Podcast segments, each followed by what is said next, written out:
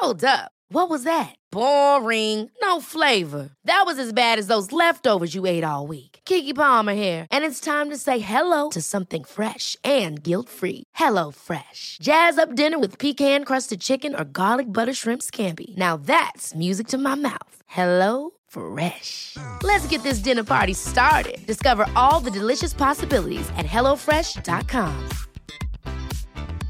You should celebrate yourself every day, but some days you should celebrate with jewelry. Whether you want to commemorate an unforgettable moment or just bring some added sparkle to your collection, Blue Nile can offer you expert guidance and a wide assortment of jewelry of the highest quality at the best price. Go to BlueNile.com today and experience the ease and convenience of shopping Blue Nile, the original online jeweler since 1999. That's BlueNile.com. BlueNile.com. Systrarna Elvstrands hästpodd är producerad av Mediahouse by RF. Hej allihopa och varmt välkomna till systrarna Älvstrands hästpodd avsnitt 73. Ja, välkomna och hoppas att ni har det gött i sommarvärmen eller i regnet. Ja, alltså det är ju lite oklart för Sverige är ett avlångt land och sen har vi ju lyssnare också på andra delar av världen så alla har ju inte samma väder. Så är det ju och jag måste säga att jag har lite ont i huvudet idag för det känns som att det kommer en åskskur typ när som helst. Ja, det har ju varit väldigt varmt här nu det senaste så vi skulle ju onekligen vara i behov av lite regn så att säga. Verkligen. Men eh, Eh, Emma, hur är läget med dig idag då? Jo, det är bra, men jag lyckades ju med någonting som jag tror att jag aldrig någonsin har gjort tidigare i mitt liv idag. Eller om det kanske har hänt någon gång tidigare. Och det var ju att jag försov mig. Ja men alltså jag blev så himla chockad. Vi hade ju planerat att vi skulle rida vid typ, eller vi skulle ses i stallet vid sju. Men så hade jag lite bråttom i morse så jag bara det är bättre att jag går upp lite tidigare och börjar ta in hästarna och det är ju mycket som ska på nu. Det är flugtecken, det är barfota boots på gamlingarna och de ska borstas och det ska på med flyg. Alltså det är ju liten procedur. så jag tänkte det är lika bra att jag börjar i tid och så skickade jag ett sms till att nu är jag i stallet redan så du kan ju komma ut så fort du kan. Och så fick jag liksom inget svar på det och så tänkte jag bara, äh, men hon, hon har väl sett och så bara ja ja, jag går ut så fort jag kan. Ja. Men sen så dröjde det nog tio minuter, en kvart eller någonting så fick jag ett sms tillbaka. Men gud, jag har försovit mig. Jag kommer ut så fort jag kan. Ja, för grejen var att jag har ju tydligen sovit förbannat djupt då. För jag ställde alarmet igår på halv sju. Men sen så när jag vaknade upp idag så vaknade jag upp i godan ro och tänkte åh vad skönt att vakna innan alarmet ringer. Sen så kollar jag på klockan och så är klockan typ 10 i sju. Alltså jag skulle gått upp för 20 minuter sedan. Och jag bara men vad tusan. Och så ser jag på mobilen att eh, vad står det? Alarmet har Missat ja, va? precis missat alarm. Så alarmet hade ju ringt men jag stängde aldrig av det utan det stängdes väl av av sig själv då. ja, men det är ja, men vänta nu. Har du snooze igång? nej, nej absolut inte. Nej, för då ringer det ju igen om du missar larmet. Mm. Så det kanske i och för sig kan vara bra att ha snooze om man nu skulle sova igenom larmet någon gång. Ja men alltså det här är ju första gången det händer. Ja, det Så är sjukt. Jag tror att min kropp sa åt mig att Emma du måste sova mer för jag har inte sovit bra det senaste får jag säga. Nej, men eh, det är ju inte hela världen och du vaknade ju ändå i tid. Ja det gjorde jag. Jag kommer ju typ ut i tid faktiskt. Ja men faktiskt, så jag var ändå imponerad. Och alltså jag har också typ aldrig försovit mig. Jag har gjort det en gång, eller ja, ett par gånger i rad. Då var jag nog inne i en ganska stressig period. Och det var när jag jobbade på lagerarbetet. Så jag var ju verkligen tvungen att verkligen komma i tid också. Men då vaknade jag några gånger så här, alltså typ kvart över sju och jag började sju och bara fuck, då hade jag ju glömt att ställa klockan. Jaha, ja. Så det är ju inte så konstigt att man försover sig då kanske. Nej det är det inte. Nej men jag kan ju bli lite så här, jag får ju panik på folk som försover sig hela tiden. För jag, jag tänker att det gör du inte som vuxen människa. Då tar du ditt ansvar, du ställer klockan och du går upp när klockan ringer. Du håller inte på och snusar och tjafsar utan du går upp så att du tar dig till ditt jobb. Så därför så blev jag ju så himla förvånad jag gjorde allting rätt idag men ändå så vaknar jag inte. Din kropp hade gått in något, eh, jag vet inte, död-mode Ja kanske. men någon sorts dvala typ. Ja men verkligen. Men eh, ja, så kan det bli ibland. Jag kom dock på en grej som jag glömde att säga förra veckan. Och det här är ju lite så här, alltså som vuxen så behöver man ju ta en hel del ansvar när det kommer till vissa grejer. Bland annat någonting som man kanske inte tänker på när man är barn. Att ta ut soptunnan. Ja. Och det är ju kanske inte något som alla behöver göra för att jag vet att det finns ju typ sopnedkast eller sopsortering när man Mm. bor i lägenhet och så här. Men vi bor ju ändå i fristående hus så då måste man ta ut sin soptunna för att få den tömd. Mm. Och det här var också en morgon när vi skulle rida tidigt. Och då hade jag nog vaknat lite för tidigt och så skulle jag åka ut i stallet. Och så åker jag och så kommer jag på att damn, det är fredag idag, vi har soptumning. Så då åker jag tillbaka och så hämtar jag soptunnan och så kör jag ut den och är glad och nöjd. Mm. Och sen så åker jag till dig, rider, jobbar, kommer hem på kvällen sen, ska köra in soptunnan som jag trodde var tömd. Men icke sa Nicke, den var full till bredden. Och jag bara, men vad i hela friden har hänt nu? Nej, då hade ju tydligen sopgubben kommit tidigare för att jag trodde så att de kom vid typ halv åtta eller någonting för Mm. då har jag mött dem någon gång när jag åkt lite senare till jobbet någon gång. Men nej, då har de tydligen tidigare lagt det. Och vill du veta det roligaste av allt? Ja. det var att Samuel samma dag skulle köra hö. Så att han hade gått ut ja, men typ en kvart tidigare än mig. Och så hade han sett sopbilen komma. Och då hade han vinkat på sopgubben. Alltså kanske lite nedlåtande att kalla honom för sopgubben. Men jag tycker att det är lite gulligt. Ja. Ja, så han vinkade på sopgubben som stod och väntade vid vägen, alltså där vår soptunna ska vara. Som hälsade tillbaka till Samuel. Och Samuel kopplade liksom inte att oj, han väntar nog på vår soptunna. Nej. Så han bara vinkade på sopgubben och så gjorde han ingenting mer. Ja. Alltså vi har skrattat så mycket åt det här i efterhand för jag bara, alltså lämnade du din hjärna inne eller? ja, man kan ju undra men alltså jag, än idag så får jag typ smsa mamma varje vecka. Är det jag eller är det Anna som ska ta ut soptunnan idag? För vi har ju varannan fredag. Ja, och det är ju ganska bra och jag Mm. ser ju oftast att så här, ja men nu har Emmas grannar kört ut soptunnan så Jo. då kan jag skicka till dig att soptunnan ska ut. Ja. Men eh, det, jag är lite sämre på att komma ihåg det själv. Ja, mamma hon smsar ju mig nästan varannan fredag då för att kolla så att jag har ställt ut den. Men jag har faktiskt börjat bli bättre. Men om hon inte smsar mig förutom det så gjorde jag ju det inte för jag glömde ju bort det hela tiden. Ja men alltså det är ju knäppt vad man kan glömma bort. Och det har ju hänt någon gång förut att vi har glömt soptunnan. Men alltså det är liksom ingen större fara på vintern, hösten sådär när det inte är så himla varmt ute. Men vet du vad som händer nu på sommarhalvåret? Ja, blir det maskar och så eller? Ja, och det är så jävla äckligt rent ut sagt. Vita små maskar i hela soptunnan. Jag bara, alltså, vi kommer ju behöva spola ur den efteråt sen. Så ja, jag var väldigt glad när vi väl kom ihåg att ta ut den här förbannade soptunnan den här gången. Så nu är den tom och redo för mer skräp. och något som jag insett på senare tid det är att Ja, men Tage han hade vilat ett tag för att han hade haft en tappsko och så skulle jag sätta igång honom igen. Och något som jag insett speciellt med Tage det är att jag verkligen stressar fram till en bra känsla. Kan du känna igen dig i detta Emma? Alltså att du vill att det ska kännas bra med en gång eller? Ja. Nej, jag tror att du är nog lite mer ivrig än vad jag är. Mm. Jag är nog lite mer accepterande att jag kanske ibland faktiskt behöver rida mig till den bra känslan. Och i synnerhet eftersom jag har en häst som Boppen som, ja men han är gammal nu och eh, han har alltid varit en sån här som går bäst i slutet på passen. Så jag tror att jag har nog blivit lite mer härdad när det kommer till det än dig. Ja men jag tror nog det och jag fattar ju det mer och mer att Tage är ju en gammal herre nu. Alltså han är ju 21 år gammal och det är klart att han har ju kanske sina dåliga dagar och så också. Men jag insåg det när jag red ett dressyrpass här häromdagen att det är ju så mycket bättre att bara ta det chill, låta känslan byggas upp sakta än att bara förvänta sig att det ska gå bra på en gång. Men grejen är att han har ju egentligen alltid varit sån genom hela livet att så här, har han haft det bra då har han ju varit bra från start. Ja. Men jag inser det nu att han, det är nog lite ändrade tider nu och Ja. jag har tagit tag i saken och ändrat på det. Och det känns så gött nu för nu har jag, ja, jag ska inte säga att jag har hittat ett nytt system för jag har provat det två gånger. Men något som jag tror är väldigt viktigt på Tage för att verkligen få känslan att bli bra senare, alltså man vill ju såklart ha det från början men ni fattar vad jag menar, det är att vara så himla noggrann med övergångarna redan från början. Och när jag har eh, skrittat en del och gjort en del halter och sådär så börjar jag jogga igång honom. Och inte så här direkt att bara nu ska du fram, fram, fram, fram, fram. Så tänker jag ju på fokus. Mm. Men på Tage som, alltså han har kanske lite sämre balans när det kommer till vissa grejer. Han är lite mer snubblig. Han måste liksom få ta det försiktigt och lugnt i sin trav och hitta takten och balansen i det innan vi kan öka på traven lite. Och sen när jag ska sakta av till skritt så försöker jag att verkligen trava långsammare, långsammare, långsammare, långsammare skritt. För han är ju ganska bra på så här, trav, oj, oh, du vill att jag ska sakta av, då gör jag det så. Ja. Så att eh, när jag har varit väldigt, väldigt noggrann med det så har han blivit så himla, himla fin. Mm. Vad bra, men då får du nästan tänka lite tvärtom mellan Tage och Fokus då. Ja och det är kanske det som min hjärna inte riktigt hängt med på det Nej. senare tiden. För jag har varit så här, fokus ska fram, Tage ska fram, fast vänta nej det kanske han inte ska förresten. Nej, precis.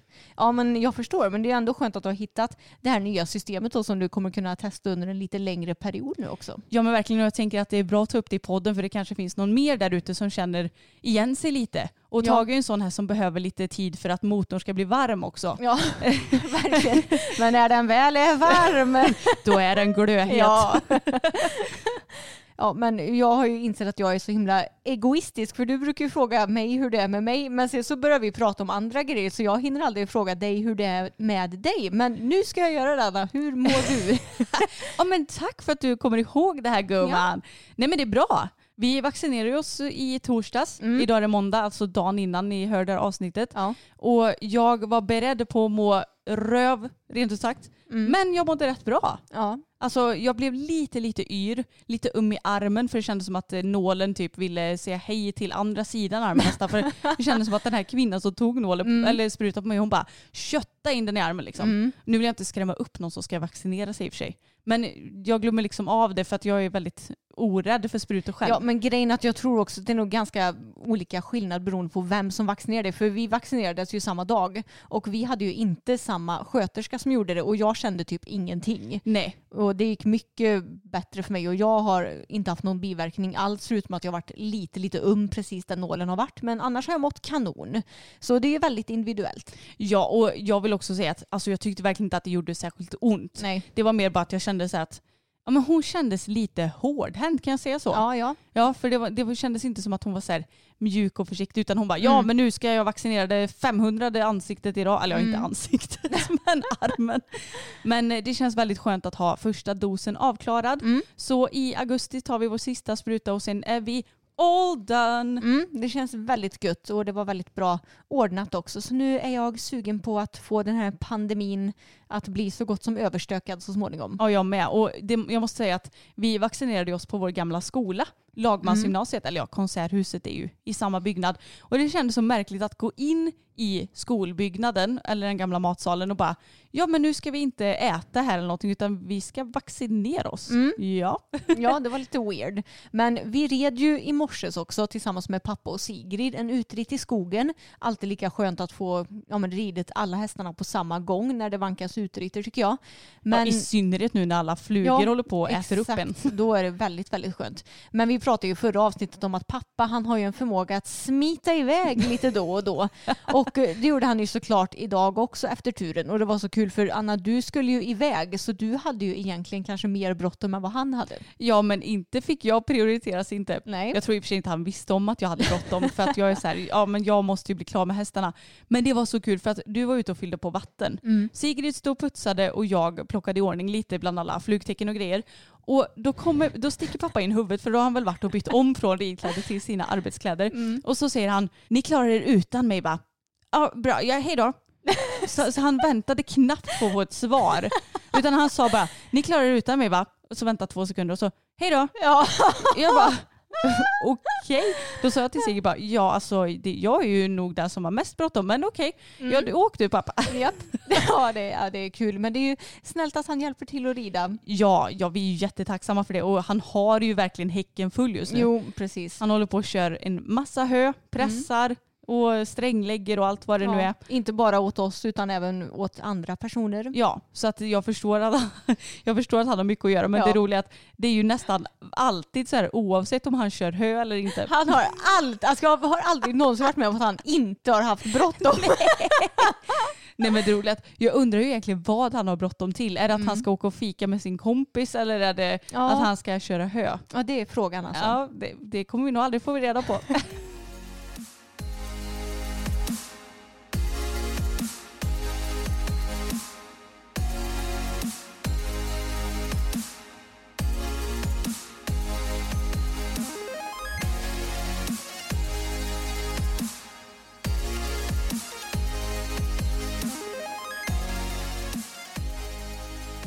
Men hörni, det här avsnittet blir ett litet specialavsnitt kan man säga för vi har nämligen med en gäst som ska komma och gästa oss snart. Och det är en av våra absolut bästa och även äldsta kompisar, Hanna, som vi har känt i, ja det är väl nästan 20 år nu va? Ja, jag tror att det blir något sånt. Och Mm. Det känns så kul att hon vill gästa podden. För hon har ju också gästat vår YouTube-kanal för Mm. i och för sig väldigt länge sedan nu. Mm. Men eh, Hanna är verkligen så himla god, rolig person som jag eh, uppskattar att jag har i mitt liv. Och det tror jag du gör med. Ja, det gör jag verkligen. Och det här kommer bli ett skitroligt avsnitt med mycket skratt så ni måste bara lyssna på det. Hon kommer att berätta ja, men, lite roliga anekdoter om oss som barn och sen så kommer hon även i slutet att berätta om sina erfarenheter av att gå på ridgymnasium, för det har ju hon gjort. Mm, det har hon gjort. Och eh, det, jag vet att jag tyckte det var lite vemodigt när hon sa att hon skulle flytta Mm. och eh, gå på ridgymnasium för hon flyttade ju hemifrån då när hon Mm. var 16. Och då var jag så här, men hallå jag då? Ja. Men samtidigt så är det ju, jag, alltså jag unnade ju henne den upplevelsen också såklart. Och därför är det lite kul att få höra hur det var egentligen och Mm.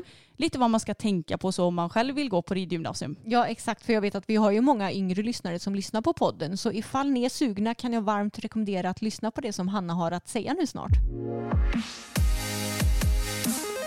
Då tar vi och säger hej och välkommen till dagens gäst som är Hanna Westin.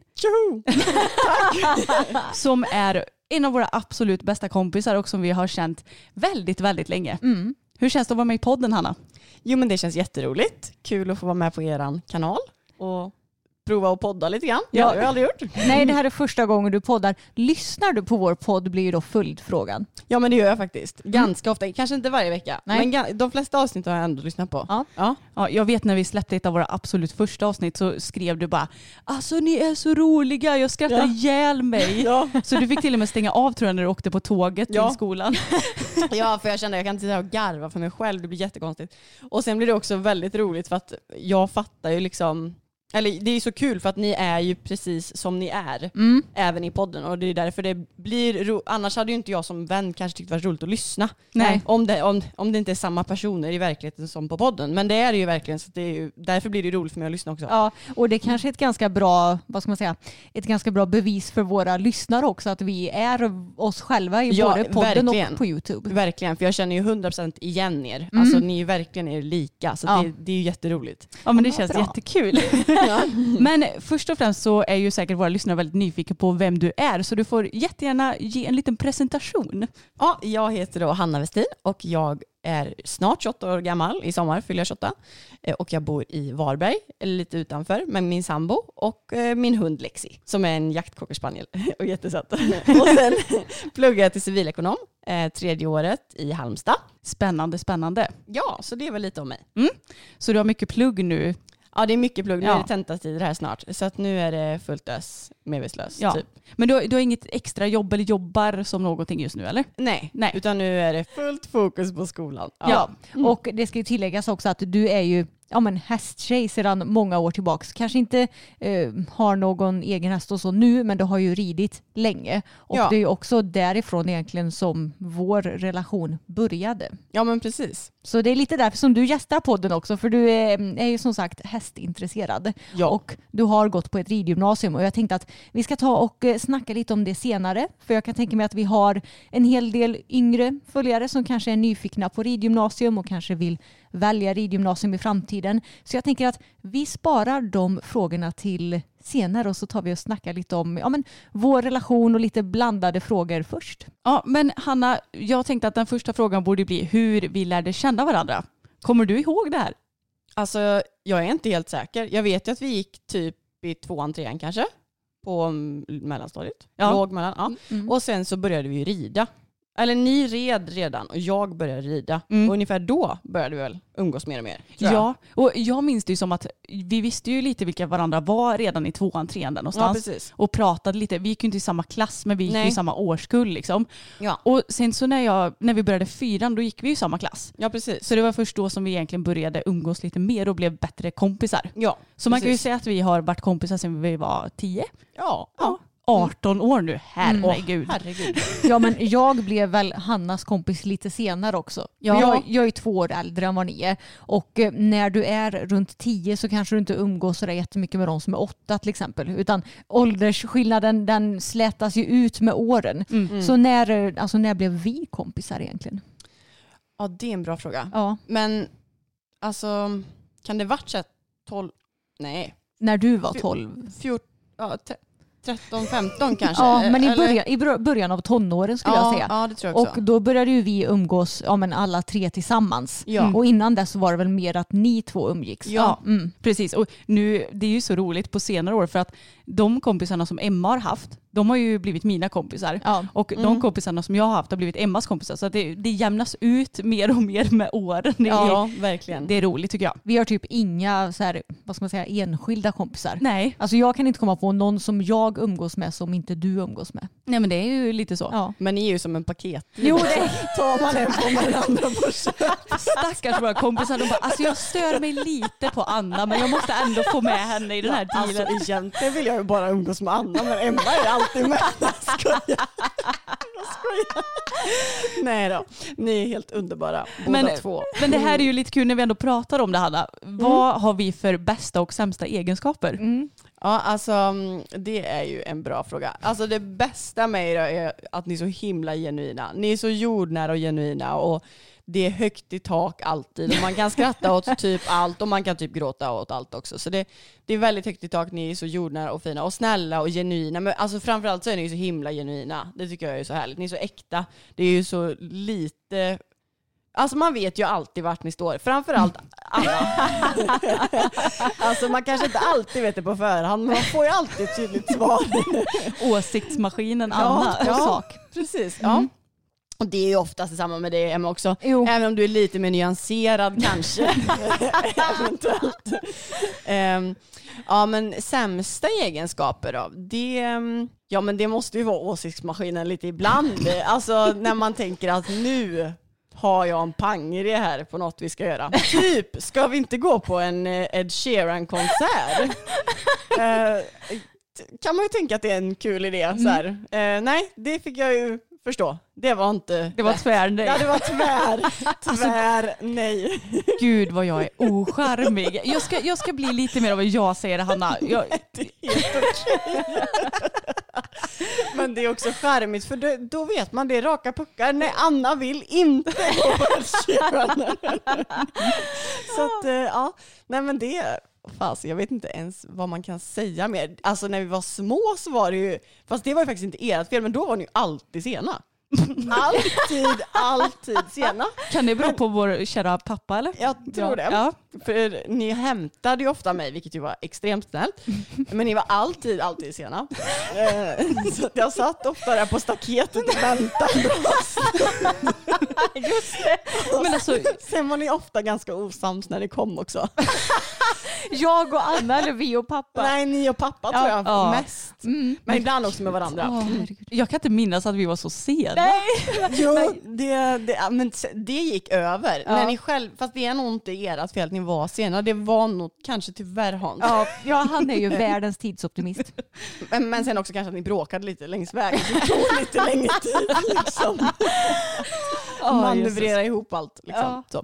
Nej men Emmas sämsta egenskaper, vad är det? Ja, hon är det perfekta barnet som inte har något. Nej jag skojar. Ja, na, men det kan ha på det spåret att göra för att du vet ju bäst.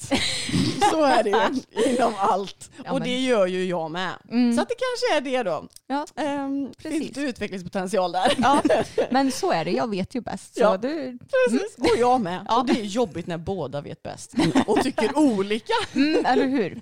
Ja, men Ja. eh, man kan väl sammanfatta det som att eh, vi blir inte kränkta när, liksom, oavsett vad vi pratar om. Nej, det är absolut inte. Och det är väldigt skönt att ha det som med sina vänner tycker jag. För det är jävligt jobbigt om man ska behöva tänka efter innan man har Ja. någon diskussion eller vad det nu kan vara. Verkligen. Verkligen. Är det något som man säger som kanske landar fel eller inte som man tänkt så frågar man ju bara vad fan menar du med det? Ja, eller verkligen. vad sjutton tänkte du där? Mm. Ja.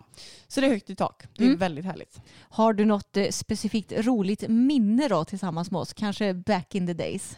Ja men jag har ju ett väldigt roligt minne när vi har varit på ridskolan och ridit och så är det jag, jag och Emmas dåvarande, eller kompis då, då var- umgicks vi inte så mycket alla fyra. Nej. Då var det Emmas kompis, Jenny och jag som Annas kompis då.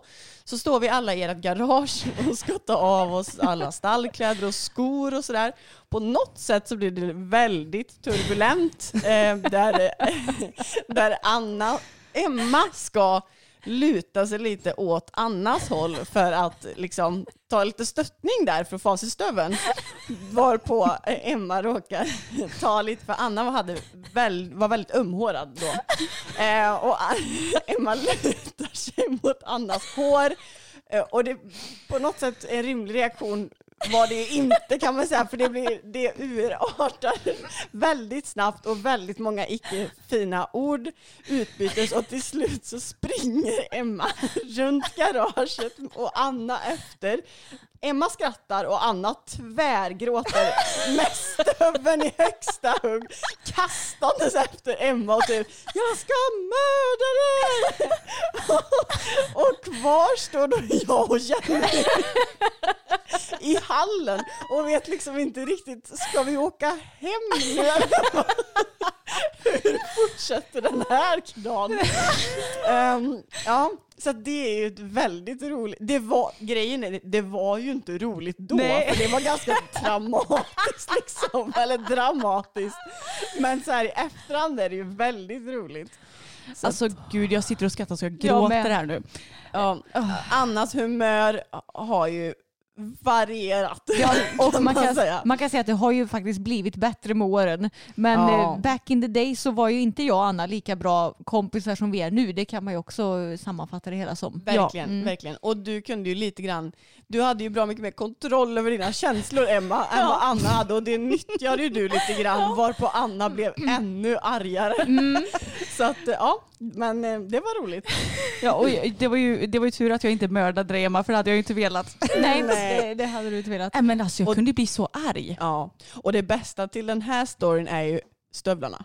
Mm. För det är ju en hel story i sig. När Emma råkar klippa av fel stövel. Alltså det är så kul för ja, vi har ju pratat om vårt problem med stövlar tidigare, att vi har svårt för att hitta stövlar som passar våra vader. Och det var ju samma sak när vi var små.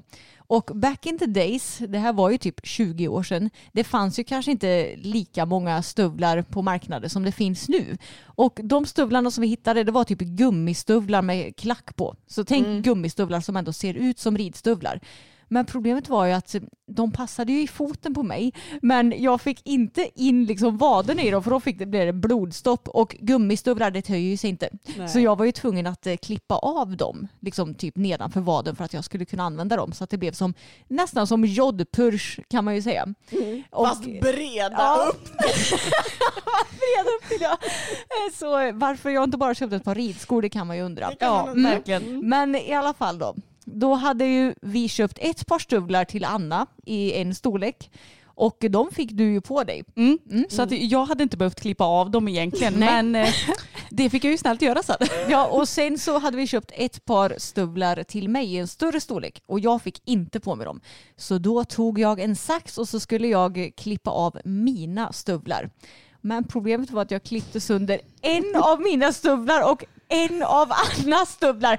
Och det tog hus i helvete när hon fick reda på det ska du veta. Ah, och det värsta av allt, det var ju att du klippte ju inte av dem i så här bra size heller. Utan man fastnade ju med den här förbannade avklippta stöveln i, alltså vad säger man, kåpan på sadeln också. Så störigt. Nej, Jag var så arg. Jag var så glad över mina nya stövlar och så nej, då fick jag klippa av dem. Ja. Det var inte de snyggaste stövlarna, men de funkade ju ett Ja. bra tag. Men jag undrar, alltså hur sjutton gick det in när ni gick i lera? För det var väldigt lerigt under den här tiden vill jag minnas och de var ju så vida upp till så att de stod ju ut. Jag kan inte förstå det. Ja, nej. Ja, men man undrar ju varför de, där vi köpte de här stövlarna, varför de inte bara rekommenderade ett par rejäla skor. Ja. Och sen undrar jag, hur har du ens provat att de passar? Fick inte på dig dem? Jag har ingen aning. För vem tänker, de här får jag inte på foten, så de köper vi. Ja, nej. Åh, Ja. härliga ridskoleminnen. Verkligen.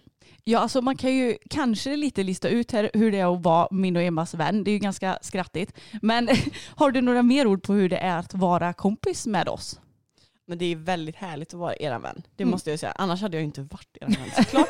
men nej men det är väldigt, väldigt roligt. Men det kan ju, vi kan ju också ha mycket så här samtal och diskussioner och sånt. Och det är det som jag tycker är så härligt. Det är både skratt men vi kan ju också snacka allvar liksom. Mm.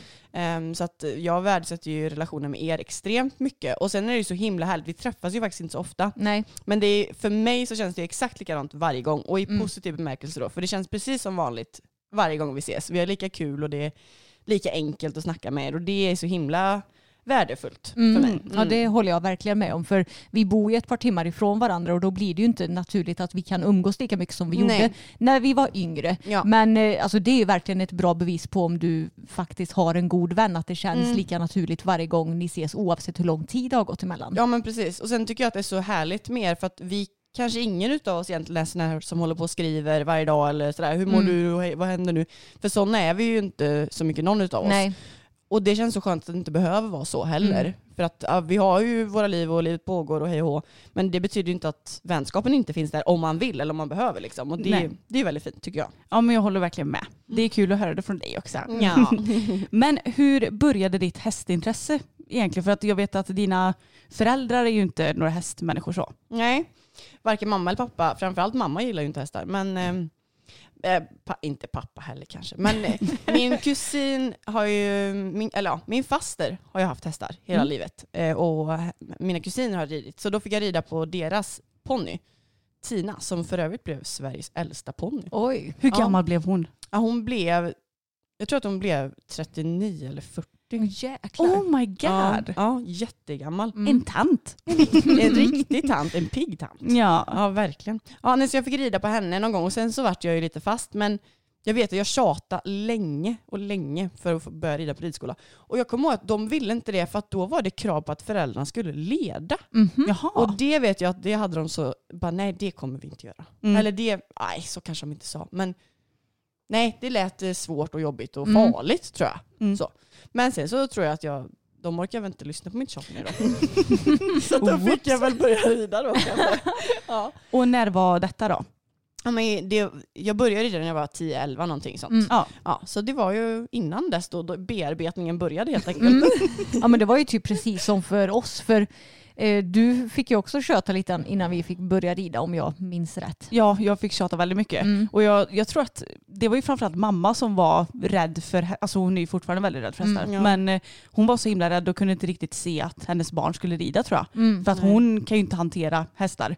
Men eh, hennes enda krav när vi väl skulle börja rida sen det var ju att pappa får ta den posten. Mm. Och det gjorde han ju sen så att när det väl kom till kritan så gick det ju bra Mm. sen så. Men Det får man säga att han gjorde. Ja, verkligen. minst sagt. Men hur, hur har ditt hästliv sett ut då genom åren? Ja men jag red ju på ridskola i eh, några år, i tre år kanske eller något sånt där innan jag, sen hade jag medryttarhäst först eh, som jag red en del på, sen så hade jag foderhäst i kanske ett år och sen köpte jag min första egna häst då, efter många turer och tjatande. Så. stackars, stackars föräldrar. Ehm, ja, så då fick, köpte jag min första egna häst när jag var, gud, 15 kanske. Ja, Ja. för du gick på högstadiet va? Ja, ja jag tror jag gick i nian Mm. typ. Mm. Ja, köpte min första egna häst. Eh, eller ja, mina föräldrars häst. Frisco. Jag hade honom när jag gick på gymnasiet Mm. och så sålde jag honom när jag gick i eh, ettan eller tvåan. Och sen köpte jag en ny häst, Catcher, som jag har haft fram tills kanske för fyra år sedan. När Mm. jag sålde honom och slutade väl rida ungefär. Mm. Ja, i alla fall slutade rida så mycket. Mm. Ja. Men de här två hästarna, kan inte du berätta lite mer om dem? Var det storhästar? Var det hopphästar? Var, har du tävlat och lite så med dem? Ja, eh, Frisco var ju en ungersk import. Eh, jag köpte väl honom när han var kanske 10 år eller något sånt där. Han hade gått 1,20 hoppning tror jag innan, vill jag minnas. Eh, vi tävlade väl 1,10 ihop skulle jag tro. Jag tävlade 1,10 på min medryttarhäst och min eh, foderhäst eh, innan också. Så det var väl det jag och Frisco gjorde. Mm. Jättesnäll, jättefin, jättegullig brun vallack, stor häst. Väldigt, väldigt mysig och snäll. Och sen köpte jag Catcher när jag gick, hade ridit lite mer och var lite mer varm i kläderna och tyckte att jag skulle ha en unghäst. Eh, så köpte jag Catcher, fem år, eh, hade gått 1,20 hoppning han också. Eh, Jättecheck och trevlig häst men lite galen. Ehm, lite mycket för mig kanske egentligen så här i efterhand.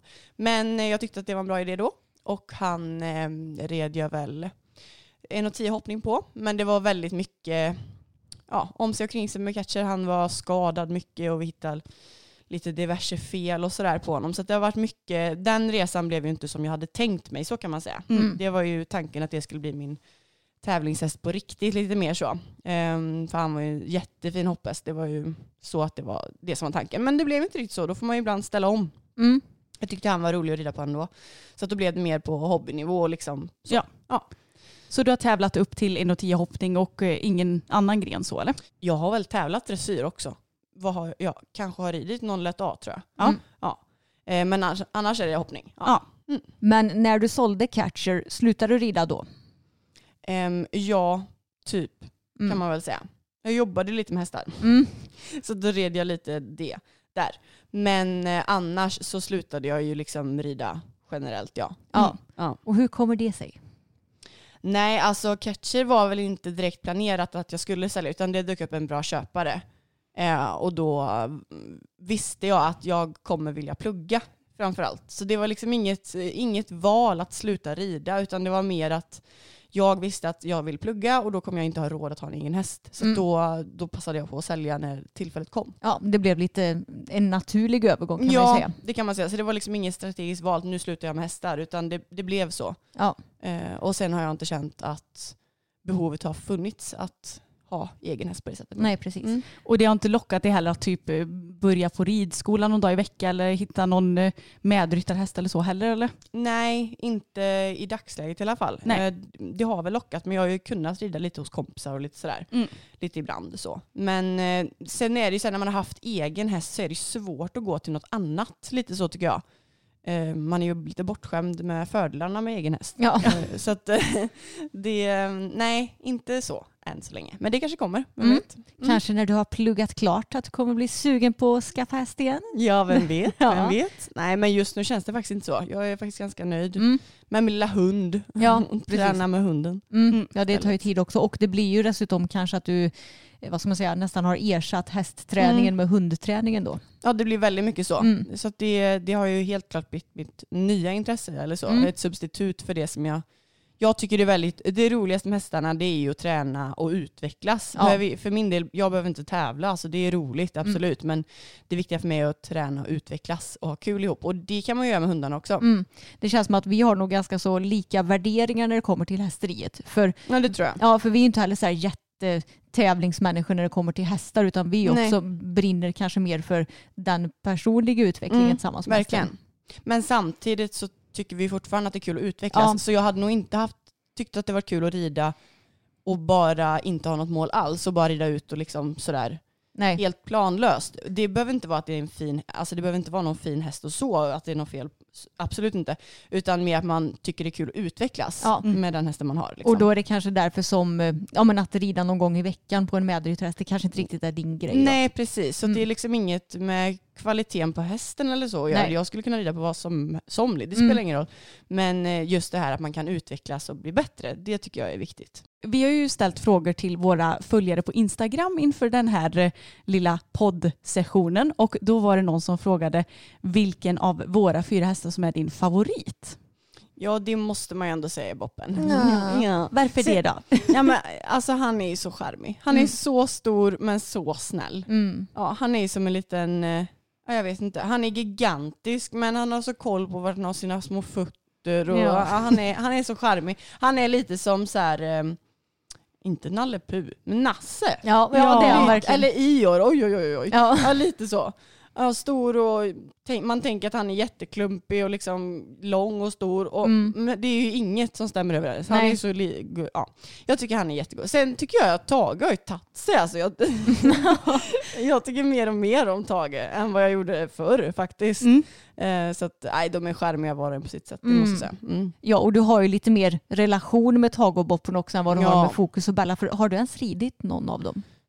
Har jag ridit på fokus? Ja, du gjorde nog Jag- det en gång för länge sedan. Jag tror att jag har ridit lite på fokus ja. Ja. Mm. Ja. Det får bli mer i framtiden. Ja det får Ja. bli. Pre- bara en eh, liten kortis typ Mm. när du precis hade köpt honom tror jag. Ja, jag tror det. Och Mm. då var han kanske inte skitrolig att rida direkt. men eh, nej, men jag tänker att du också, för jag menar vi köpte ju Tagen när jag var 14 och då var ju vi väldigt bra kompisar. Och Ja precis. de har ju hängt med nästan hela vår relation också så det är inte Ja så men det konstigt. får man säga. Det Mm. får man säga. Och du hoppade ju boppen när du var och hälsade på oss. Eh, Ja. och det var ju också jättekul. Ja Men, himla eh, kul. Jag förstår ju att du tycker att Tage har tagit sig för herregud vad han hoppade den gången. Mm. Ja verkligen, verkligen. Tage, alltså Tage har ju verkligen tagit sig. Alltså han är ju på sin peak typ nu. Ja, men det är helt alltså sjukt. allvarligt talat så är det Ja. typ så. Han är jättefin. Verkligen. Men sen är ju både jag och våra lyssnare lite nyfikna på att veta vad du tycker om att vi jobbar med sociala medier. Alltså jag tycker att det är väldigt roligt. Det var ju, du började med bloggen tidigt Mm. och då kanske man inte förstod riktigt eh, alltså hur många som faktiskt läste. För, för Mm. då läste jag inte så mycket tror jag Nej. i början. Men alltså nu, jag tycker att det är jätteroligt. Det är bara kul. Men det är, också, det är ju också för att ni är genuina. Mm. Hade jag känt att ni var några helt andra på era sociala medier, Mm. då hade det nog varit svårt för mig att följa tror jag. Men nu känns det ju bara som att det är ju ni och därför är det bara jättehärligt tycker jag. Jag har kul. inget illa att säga om det. Vad Det roligt. är bara roligt. Mm. Kan du gå in och typ titta på någon film ibland om du saknar oss lite? Ja det gör jag. Det gör jag faktiskt. Ja. Ja, det gör jag. Det är perfekt. Ja det är det verkligen. Jag och Emma gjorde ju tidigt ett eh, avsnitt här på podden där vi pratade om pinsamheter i stallet. Både om saker som vi har gjort men också lite vad våra lyssnare har råkat ut för i Mm. stallmiljö. Vad har du som har hänt i stallmiljö som är det pinsammaste för dig? Ja, eh, ja, det är säkert massa saker som jag inte kommer på just nu. Men en specifik händelse kommer jag ihåg när jag jobbade på eh, ridskolan, inte här i Vara då. Men jag jobbar och så ska jag lämna över ett par nycklar till eh, en, en elev, tror jag, eller en ridskoleelev, ja, liten tjej i alla fall. Och jag tar upp något ur fickan och räcker fram nycklarna, men det, jag inte märker det att jag och räcker också fram två tamponger. så här, så jag, jag bara oj. och jag, det jobbiga är att jag skäms så mycket i den här situationen. Ja. Så att jag bara oj oj oj oj oj. Jag ger nycklarna, tappar tampongerna och typ hafsar upp de här i stallgången och går därifrån. Typ jätteskamsen. Det var ju inte pinsamt egentligen men jag, det pinsamma var ju att jag blev så obekväm. Så att, ja. ja det är nog bland det pinsammaste kanske. Ja, ja gud vad kul. Eh, Ja, men det är ju så roligt ibland när man reagerar egentligen helt, eh, inte olämpligt, men lite överdrivet. Ja, För verkligen. det är ju ingen big deal egentligen. Nej, nej, nej. Nej, men jag förstår vad du menar. Helt irrationellt. Men vet ni något pinsamt som jag har gjort i stallet? Nej, jag minns ju mer, alltså jag tycker fortfarande att det roligaste som finns är ju när jag tänker tillbaka på att Emma en gång skulle, du vet när vi hade det här shettisdroppinnet på, Ja. på ridskolan i Vara. Och hon skulle galoppera med Jackie och en liten, var det en liten tjej? Ja. Och så springer all världens väg och så galopperar och så ramlar hon för hon har sådana klumpiga skor på sig. Alltså det är det roligaste jag vet. Ja, jag vet Men jag har ramlat med prins en gång när jag ledde honom också. Nej, har Jo, du? Ja. I det här 12 gånger 22 ridhuset. Ja. Eller, ja. Ja, vad det nu var. var det. Ja. Väldigt bra för en shettisar men det var inte så smidigt att rida i med större hästar. Nej. Nej det kan man inte säga. Jag är förvånad att det faktiskt ens gick. Ja, jag med. Vi hade ju framhoppning och sådär i det till och med ibland. Ja, Ja. Mm. det hade vi. Galet. Och de hade ju tävlingar och sånt där förr i tiden. Ja, Mm. tydligen. Men det är så roligt för nu för tiden tycker man att ett 2040 ridhus är pyttelitet Ja. nästan. Ja. Mm. Och alltså jag, jag har ju hoppat fram, jag har tävlat 1.10 i det 2040 ridhuset Mm. Ja. och hoppat fram till det. Mm. Kanske att vi hade lite framhoppning i stora ridhuset då, Ja, eventuellt. kanske. men man hoppade ju lätt 90 kanske i alla fall Mm. i det lilla ridhuset. Ja, ja. Hur Mm. det gick till, han jag red var ju 1,70. ja. Var det svans eller? Ja. Ja. Och det var ju dessutom på den tiden då man eh, hoppade fram i båda varven. Så det var Ja. inte så att ah, men nu ska alla hoppa i höger varv för då hade det varit lite enklare. ja, nej nej. Men nu var det ju du, vi kan hoppa både höger och vänster varv, eh, hoppa fram i ett 12 gånger 20 ridhus. Alltså det, det, det är så litet så jag tror knappt ni fattar. nej. Och sen minns jag att det kunde stå någon, stå någon så här uppbunden på kortsidan. Ja. Som skulle så här sadla. Samtidigt? Ja, kanske inte som man hoppade, Nej. men samtidigt som man bör värma upp. så tyckte någon att det var lämpligt att så här binda upp sin häst och sadla lite Ja. där. Ja jösses. Men alltså jag tror ju att vi har säkert någon film på det här på vår YouTube-kanal. Någon jättegammal film. Jag vet att vi har ju någon stallvlogg eller sådär från när vi stod uppstallade på ridskolan. Ja, man kan bli lite sjösjuk när man ser den tror jag. Men Ja, men vi måste nästan länka den i beskrivningen så att ni förstår vad vi pratar om när vi snackar om vårt lilla ridhus. Ja, för ja. det var väldigt litet som sagt. Ja, verkligen.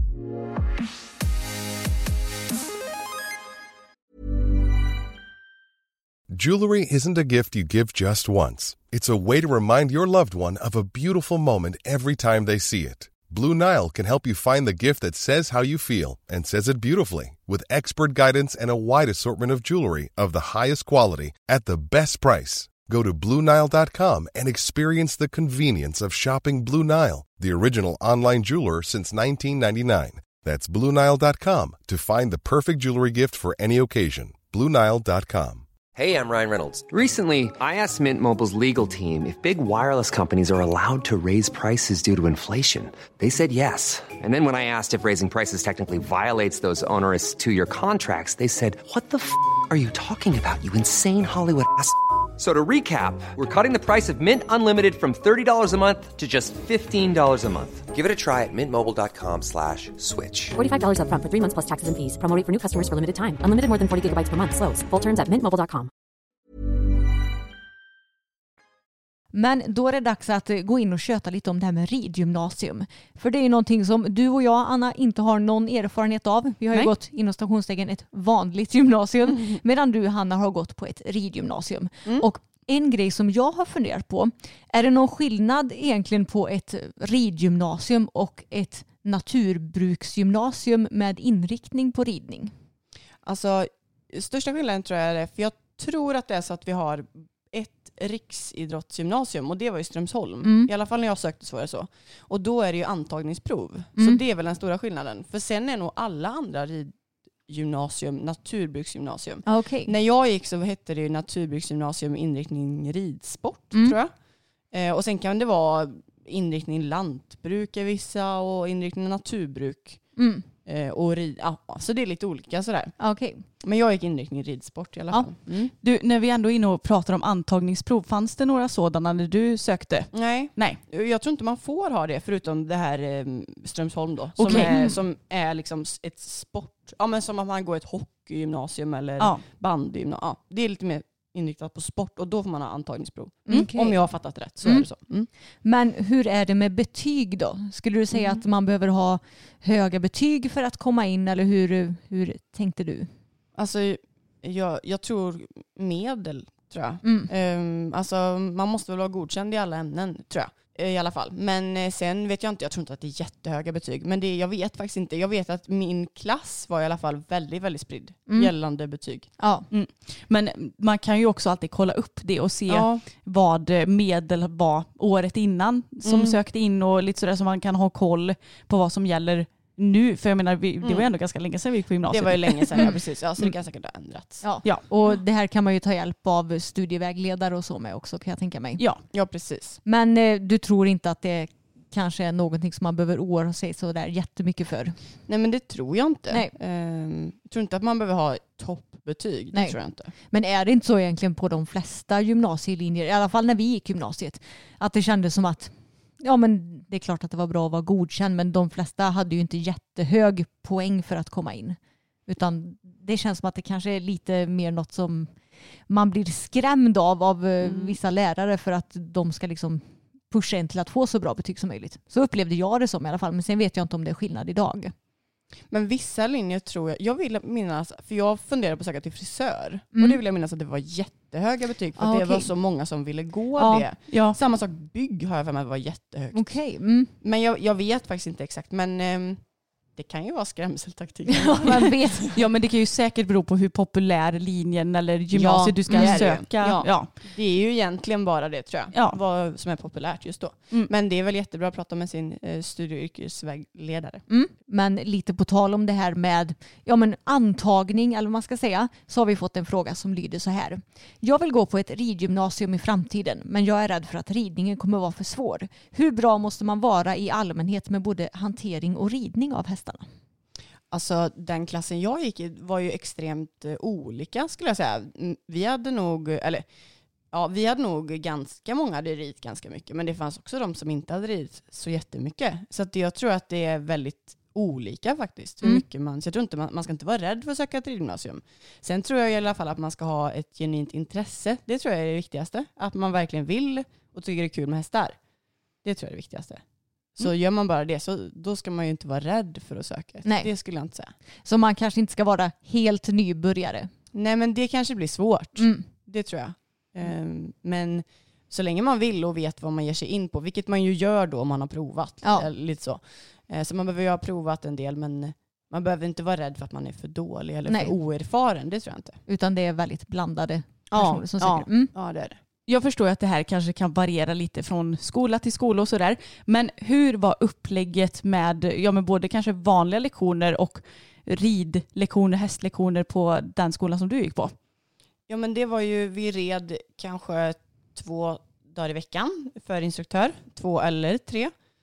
Um, och sen så hade vi oftast kanske en dag med hästämnen och kanske, eller så var det helt blandat. Men vi hade ju både vanliga skolämnen och hästämnen. Eh, och så ibland kunde det vara att man ehm, hade morgonstalltjänst och sen så gick man in och hade matte eller så hade man bara en hästdag liksom bara i stallet. Så det var väldigt blandat.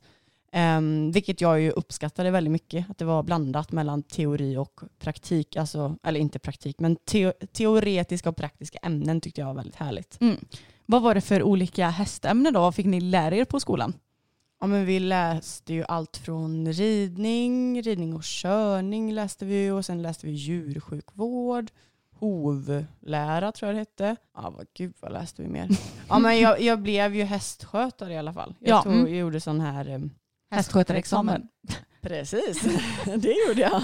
Ehm, så det gjorde jag när jag gick i trean. Så, ja, men sen var det ju, det var ju massa olika ridämnen. Men man, Mm. eh, hästkunskap och djur, djurhållning tror jag det hette och sådär. Mm. Ja. Mm. Så det var massa olika hästämnen. Man lärde sig ju om anatomi och ridning och ja, men väldigt mycket teori. Det kände jag ju om man jämförde. Jag hade ju väldigt gott av att jag hade gått på ridskola. Ja. Får man ju säga. För det märkte man ju när jag hade andra klasskompisar som kanske hade ridit och tävlat mycket och sådär men som kanske inte hade gått på ridskola och lärt sig så mycket teori. Att det hade jag ju faktiskt väldigt mycket nytta av. Att Mm. jag hade gått på ridskola. Mm. Mm. Kul. lärt mig mycket. Ja. Så att det, det tyckte jag var väldigt bra. Jag har en fråga som jag är nyfiken på och det du säger att ni hade ja, men, lektioner för tränare typ tre dagar i veckan. Var de betygsgrundande? Alltså var det ett specifikt ämne, själva den praktiska ridningen? Ja det var det. Mm. Eh, Det vet jag att ganska många hade lite, alltså vi läste ju en kurs, alltså vi läste ju ridning eller så i Mm. olika kurser och då, då blir det ju som ett lektionsupplägg. Så att då blir det ju inte att man kanske har en träning för sin tränare som man har om man betalar någon eller så. Mm. Utan nu var det så här, då, den här dagen ska vi ha den här lektionen och då, då gör vi det här för det är det som ingår i kursen. Sen kanske inte det alltid är det jag och min häst behöver som mest. Nej, eller så. Så det blir väldigt, ehm, det blir på lite annorlunda sätt än vad det gör om man annars åker och tränar för sin tränare. Mm. Men sen blir det ju så enormt mycket tränings, alltså tid, alltså man sitter på hästen och får framför instruktör. Så det märkte, märkte man ju verkligen när man slutat. Herregud vad mycket instruktörstid vi har fått. Eh, Så man, man, kan ju inte, man har ju inte råd att träna för tränare två dagar i veckan. Liksom. Nej. Så att det var ju väldigt lyxigt så sett. Så Mm. att, eh, det tyckte jag var jättebra. Men vad var det för sorts lektioner? Var det dressyr och hoppning eller fick ni även göra andra saker? Eller vad, vad, vad var det som ingick så? Vi hade dressyr, ett pass dressyr och ett pass hoppning i veckan och sen hade man typ ett markarbetespass som kunde vara lite olika Ja. var fjärde vecka. Mm. Ehm, och då var det, oftast var det lite markarbete, men sen kunde, så hade vi också körning. Men det var typ bara en kurs eh, tror jag, som vi hade lite körning. Så nej, det, det var det var ju inte så mycket annat utan det var hoppning och dressyr liksom. Ja. Så, ja. Mm, Mm. Men hur delades betygen ut? Var det typ, fick du högt betyg om du hade utvecklats mycket eller var det eh, att eh, den som är bäst på att rida får högst betyg? Eller hur, hur var det med det? Ja, då finns det ju kursplaner i ridning, precis Mm. som du gör i matte. Så Mm. det står ju liksom så här vad du ska kunna, Mm. precis som du gör i matte och svenska och engelska. Så att det var ju inte bara så att man kunde rida bra och få höga betyg, Nej. utan du var ju tvungen att kunna, framförallt så var det ju att man skulle kunna rida bra och kunna saker teoretiskt. Mm. Det var väl framförallt det som var eh, viktigast, liksom att man kunde både och. Ja. Eller så. Så kan man säga att de typ betygsatte, ja nu har vi tagit ett betyg för hur bra Hanna är på skänkelvikningar och ett betyg på hur, hur bra Hanna är på det här och att det sedan blev liksom ett ihopsatt betyg i, i slutet. Ja, det kan man väl typ säga. Fast Mm. man, det var väl mer så här, hopp, de som hade hopplektionerna hade Mm. en åsikt och så gjorde de väl typ övningar så här och så hade de väl någon åsikt vad man låg betygsmässigt och sen Mm. tyckte dressyrtränaren något. Mm. Och sen så hade vi teoriprov och då fick man se vart man stod i det och sen blev det någon sammanvägning Ja, okej. antar jag. Mm. Så man kunde ju inte få högt betyg om man inte var bra teoretiskt. Nej. Och det vet jag att det var många som hade lite kämpigt med som red väldigt, väldigt bra Mm. men som kanske ja, inte ville plugga så mycket eller så. Ja. Men, då, men då kunde man ändå inte få högsta betyg. Nej. Liksom. Men då är det kanske lite rättvist för de som kanske inte är lika vad ska man säga, grundtalangfulla. Ja, och då kan de precis. ändå ta ikapp det betyget lite genom det teoretiska då. Ja men det, Mm. det uppfattade jag det som i alla fall. Okej. Mm. Men red du på skolhästar eller hade du bara dina egna hästar som du red? Jag hade både och, men framförallt mina egna. Mm. Så om de blev skadade kunde du låna en häst till exempel? Eller hur? Ja om det fanns möjlighet Ja. till det så kunde Mm. jag det. Ja, absolut. Men det är ju perfekt. Ja så det var jättebra. Ja. Mm. Men skriver man typ i när du ansöker till gymnasiet om du tar med dig egen häst? Och, Ja det gjorde jag. Mm. Så vem som helst kan egentligen börja på ett ridgymnasium. Du behöver liksom inte ha någon egen häst för att börja. Nej, det är nog väldigt olika mellan ridgymnasien tror Okej. jag. Mm. Men eh, jag behövde inte, där kunde man gå oavsett om man Mm. Hade egen häst eller inte. Men uppfyllde ridgymnasiet dina förväntningar när det kom till ja, men både utbildning och framtid och så vidare? Ja men det tycker jag att det gjorde. Jag vill ha en bred utbildning men som inte mm, som var åt häst men jag vill inte begränsa mig. Alltså Mm. jag vill inte, jag var inte säker på att jag ville hålla på med hästar resten av livet och det var jag ganska säker på att jag inte ville. Så jag ville ha en, ut, en bra utbildning att stå på och det tyckte jag ändå att jag fick. Eller Mm. så. Sen får man ju, är det ju mycket val man kan göra och det är klart att jag valde ju att läsa ganska mycket. Och det kan man ju välja att inte göra också. Så att hade jag valt bort massa bra eh, ämnen, teoretiska ämnen, så kanske jag inte hade varit lika nöjd idag. Men Mm. eh, nu valde jag att läsa ganska mycket matte och ganska mycket Ja. svenska och engelska och sådär. Så det är jag, högskoleförberedande tror jag det heter. Ja. Ja.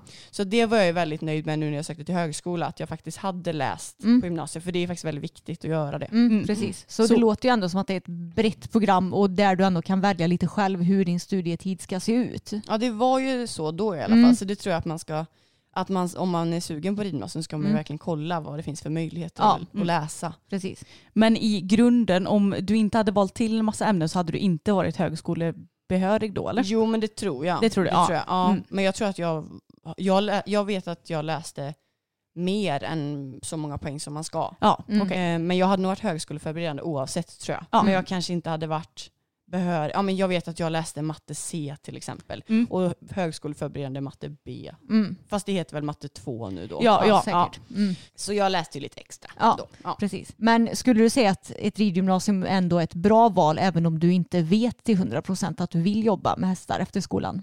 ja men det tycker jag Mm. absolut. Jag tyckte verkligen att det var jag har aldrig ångrat det valet utan jag var väldigt nöjd med det. Om du hade varit i gymnasieålder nu och skulle välja till, till gymnasium, hade du valt samma idag då?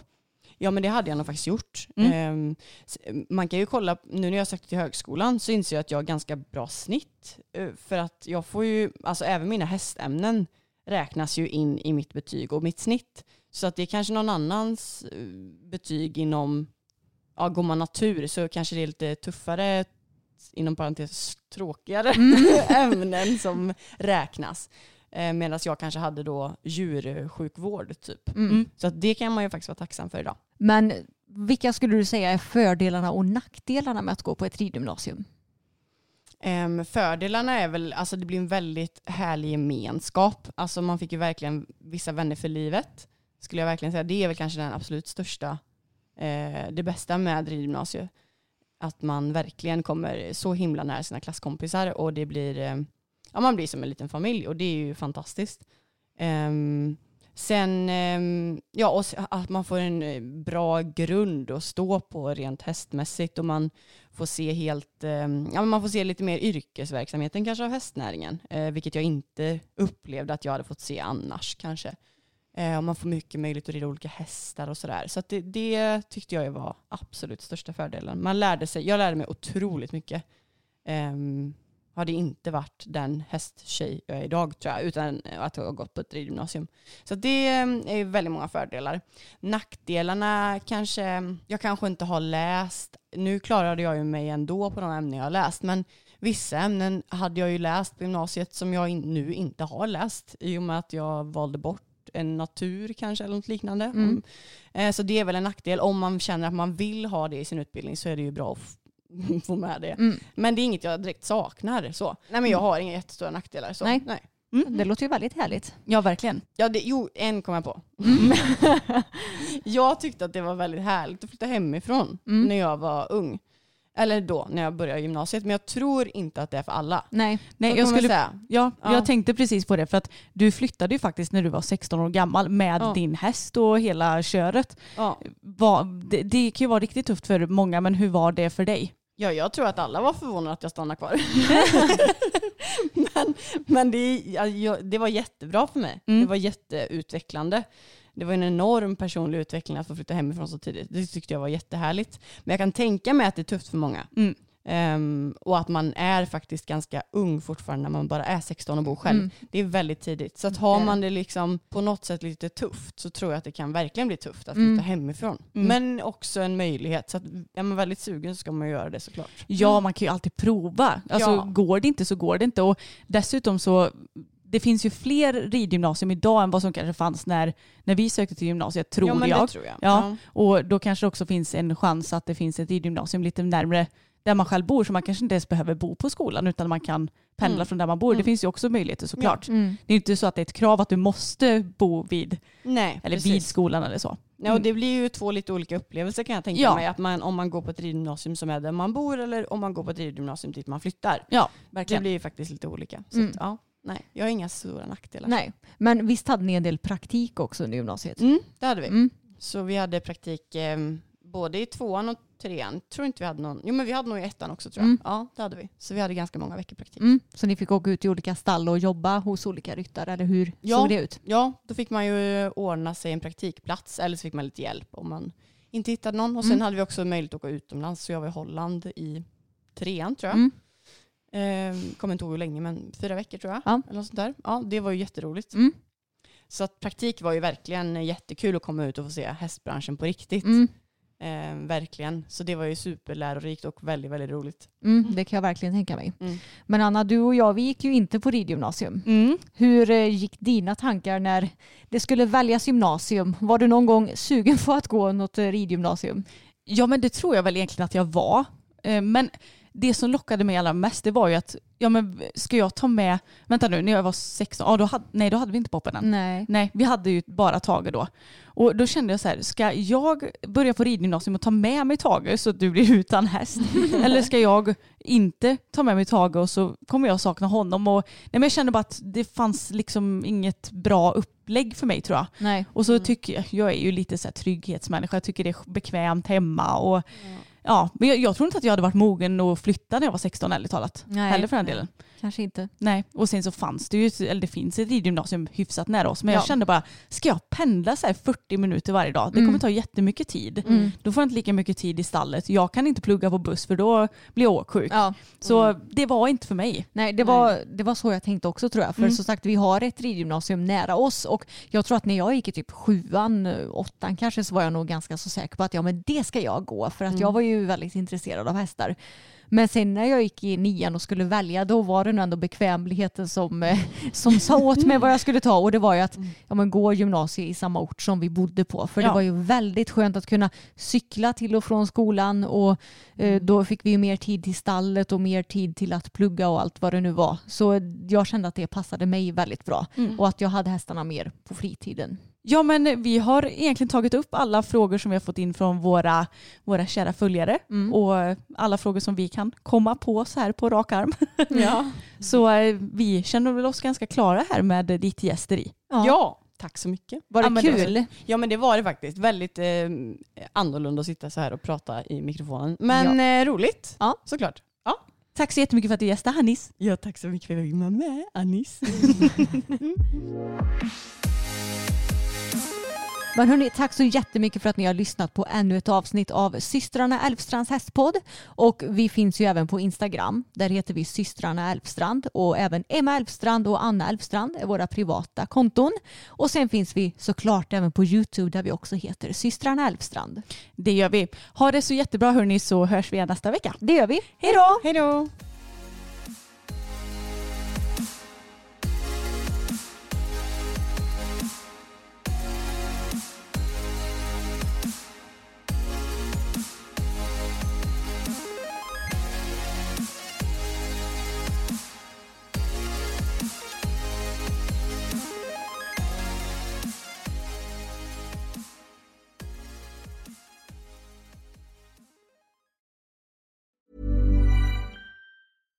Hi, I'm Daniel, founder of Pretty Litter. Cats and cat owners deserve better than any old fashioned litter. That's why I teamed up with scientists and veterinarians to create Pretty Litter. Its innovative crystal formula has superior odor control and weighs up to 80% less than clay litter. Pretty Litter even monitors health by changing colors to help detect early signs of potential illness. It's the world's smartest kitty litter. Go to prettylitter.com and use code ACAST for 20% off your first order and a free cat toy. Terms and conditions apply. See site for details. Ever catch yourself eating the same flavorless dinner three days in a row?